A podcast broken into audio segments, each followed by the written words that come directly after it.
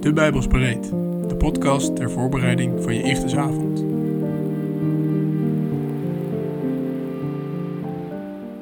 Samen met Spreuken en Job is Prediker onderdeel van de wijsheidsliteratuur. Dit zijn boeken die gericht zijn op de volgende vragen. In wat voor wereld leven wij? En op wat voor manier leef je een goed leven? Is God wijs en rechtvaardig? De boeken samen beantwoorden deze vragen, maar elk boek afzonderlijk behandelt een ander thema.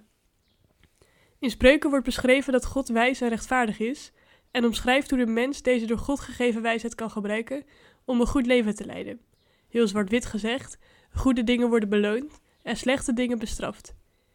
Dit boek kan daarom gezien worden als een soort gebruiksaanwijzing hoe je een goed leven kan leiden.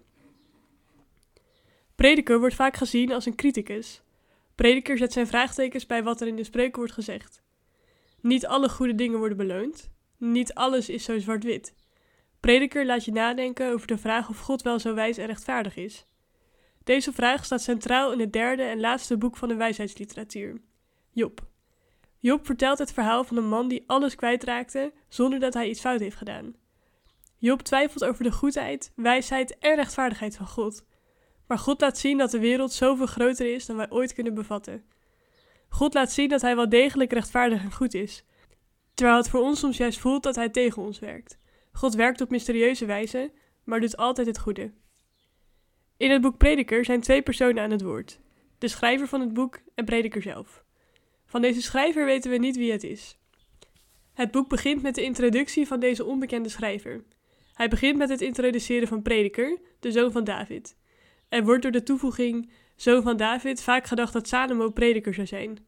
Echter, als er gekeken wordt naar de schrijfstijl en woordgebruik van de woorden van prediker, wordt er vermoed dat dit in de tijd na de Babylonische ballingschap is geschreven. Dus we weten niet precies wie deze prediker is. In het Hebreeuws wordt prediker Kohelet genoemd, wat betekent iemand die een vergadering voorzit of leraar. Prediker zou dus ook een onbekende Joodse geleerde kunnen zijn die deze titel gebruikt. De term zoon van David zou kunnen slaan op het feit dat deze geleerde, net als Salomo, erg wijs is. Na de introductie van de onbekende schrijver is prediker zelf aan het woord. Prediker heeft in de wereld onderzoek gedaan naar de betekenis van het leven. Dit doet hij door allerlei aspecten en thema's uit het leven te behandelen, waarna de onbekende schrijver nog een conclusie geeft over alles wat Prediker heeft verteld. Het thema wat veel voorkomt en waar veel mensen meteen aan denken bij het boek Prediker is vluchtigheid van het leven. Hiermee begint de prediker in hoofdstuk 1. Hij schrijft over de leegte in zijn leven. Hij heeft geprobeerd betekenis en geluk te vinden, maar waar hij ook kijkt en hoe hij ook prachtige dingen voor zichzelf verzamelt, niets lijkt hem de vervulling te brengen die hij zoekt. Een en al vluchtigheid, zegt prediker. Een en al vluchtigheid. Alles is even vluchtig. Welk voordeel heeft de mens van al zijn zwoegen waarmee hij zwoegt onder de zon? Prediker 1, vers 2 tot 3. Hij heeft geprobeerd vervulling te vinden in veel dingen: wijsheid, genieten van het leven, rijkdom en het ondernemen van grootste dingen. Toch vond hij in geen van alle iets van waar hij naar op zoek is. Hij herhaalt het meerdere malen: het is leeg en zinloos. Het kan je leven geen voldoening geven. Prediker benadrukt dat je leven en alles wat bestaat heel snel voorbij gaat. Het grootste probleem van de mens, die graag een goed leven wil hebben, is de weigering te accepteren dat hij sterft. De prediker zet alles op alles om die mensen hiervan te overtuigen. De dood brengt de wijze en de dwaas uiteindelijk naar dezelfde plaats. En dat maakt het verzamelen van rijkdom tot een nutteloos iets. Een ander thema in prediker is het volgende. De diepe bedoelingen van God zijn niet te doorgronden. We kunnen niet alles begrijpen. Soms is dat lastig om te beseffen, maar we mogen hierbij ook weten dat God ervoor zorgt dat alles op de juiste tijd gebeurt. Hij heeft alles op zijn tijd mooi gemaakt. Ook heeft hij de eeuw in hun hart gelegd, zonder dat de mens het werk dat God gedaan heeft van het begin tot het eind kan doorgronden. Ik heb gemerkt dat er voor hen niets beter is dan zich te verblijden en het goede te doen in het leven. Prediker 3, vers 11 tot 12. Maar als God een plan met ons leven heeft, waarom voelen we ons dan vaak toch verloren?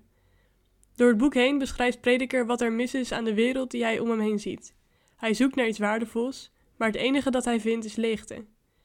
De prediker ziet een gebroken wereld, net zoals wij vandaag. Maar er is hoop. Er is altijd hoop geweest, want God heeft een plan. In deze wereld, met al haar gebreken en haar pijn, is God aan het werk om zijn koninkrijk te bouwen.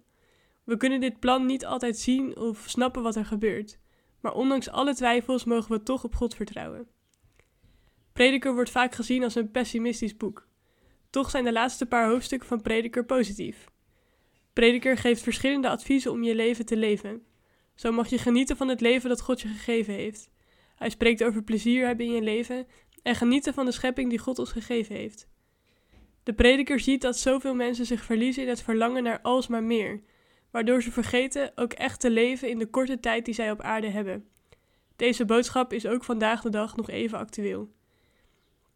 De boodschap van het boek Prediker is: leef volop en geniet van de goede schepping die God de Schepper gegeven heeft. Want dat is het goede waarmee God je gezegend heeft gedurende de weinige dagen dat je hier op aarde bent. Doe dat in het besef dat Hij eens rekenschap zal vragen en je leven zal beoordelen. Wat zijn jouw verwachtingen van het boek Prediker? Grote, rechtvaardige en wijze God. Ik dank u voor de wijsheid die u ons geeft door Prediker heen. En ik bid u dat die wijsheid tot een ieder van ons mag komen de komende twee kringen. Amen.